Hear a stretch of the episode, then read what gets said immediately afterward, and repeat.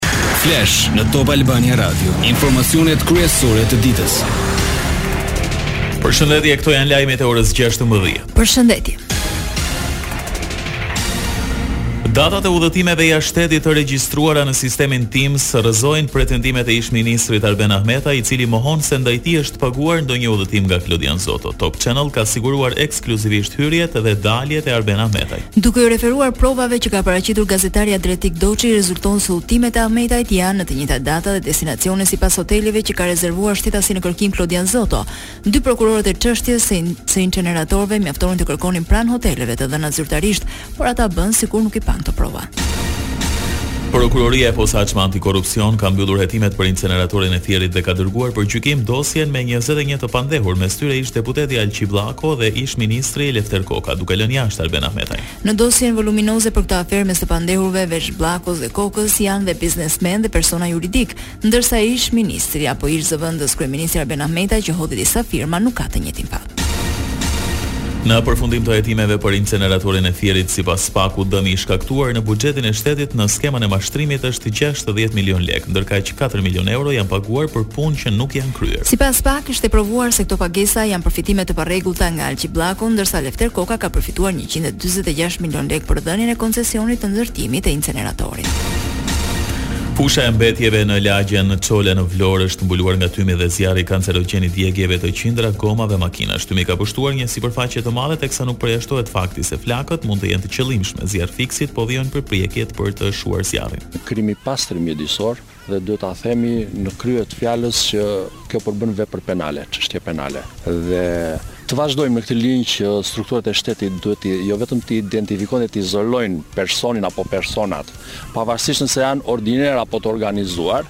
Kjo është një vepër shumë e rëndë edhe juridike, edhe mjedisore, edhe për ambientin dhe në radhë të parë, mbi të gjitha për shëndetin e qytetarëve të po Këto kanë përbërje shumë të rrezikshme organike sintetike me bazë benzenin, furanet që janë ekstremisht kancerogjene për shëndetin e qytetarëve. Një operacion në njëzet e tetë vende mes të cilëve dhe Shqipëria ka shkatërruar pesëdhjetë e nëntë grupe kriminale që merreshin me trafikimin e ilaçeve të falsifikuara. Oficerët e Europolit sekuestruan mbi dyzet milionë euro barna, gjithashtu u arrestuan ose raportuan në organet e drejtësisë treqind e dyzet e nëntë të dyshuar. Gjatë operacionit u konfirmua fakti se trafiku i barnave mund të jetë edhe më fitimprurës se tregu i narkotikëve. Policia shqiptare ishte pjesë e operacionit ndërkombëtar Shield i koordinuar nga Europol për goditjen e trafikimit të barnave të falsifikuara, suplemente ushqimore apo substanca dopingu të rrezikshme për shëndetin. Operacioni u zhvillua nga muaji prill deri në muajin tetor dy mijë e njëzet e dy dhe u drejtua nga Franca, Greqia, Italia dhe Spanja, si dhe përfshiu policinë dhe autoritetet doganore të njëzet e tetë vendeve. Ministri i Jashtëm grek Nikos Dendias do vizitojë nesër Tiranë. Vizita e Dendias në Shqipëri vjen dy javë pas vizitës së ministres së Jashtme Olta Xhaçka në Athinë për çështjen e detit. Më njëzet tetor dy mijë e njëzet, Shqipëria dhe Greqia ranë dakord që zgjidhja e çështjes së kufijve detarë dhe përcaktimit të shelfit kontinental dhe zonave ekonomike ekskluzive t'i besohet Gjykatës Ndërkombëtare të Drejtësisë në Hagë. Lajme nga bota. Presidenti ukrainas Volodymyr Zelensky bëri një vizitë të paparalajmëruar në qytetin e vijës së parë të frontit, Bakhmut, ku forcat ukrainase dhe ruse kanë zhvilluar një betejë të ashpër disamujore, Ai takoi ushtarët dhe u ndau çmime për ta. Për muaj të tërë, Bakhmuti ishte një objektiv kyç për forcat ruse në rajonin e Donjeskut dhe është dëmtuar jashtëzakonisht shumë, megjithatë forcat ukrainase kanë arritur ta frenojnë avancimin. Politika zero Covid nuk funksionon më në Kinë, por shkencëtarët nga disa grupe kërkimore janë të shqetësuar për përhapjen e sëmundjes. Kjo për arsye sepse lehtësimi i menjëhershëm i kufizimeve ka rritur frikën për përhapjen e rasteve veçanërisht tek të pavaksinuarit dhe personat me sistem të dobët imunitar. Në një rast të tillë shpërthimet mund të shkaktojnë deri në dy milionë viktima.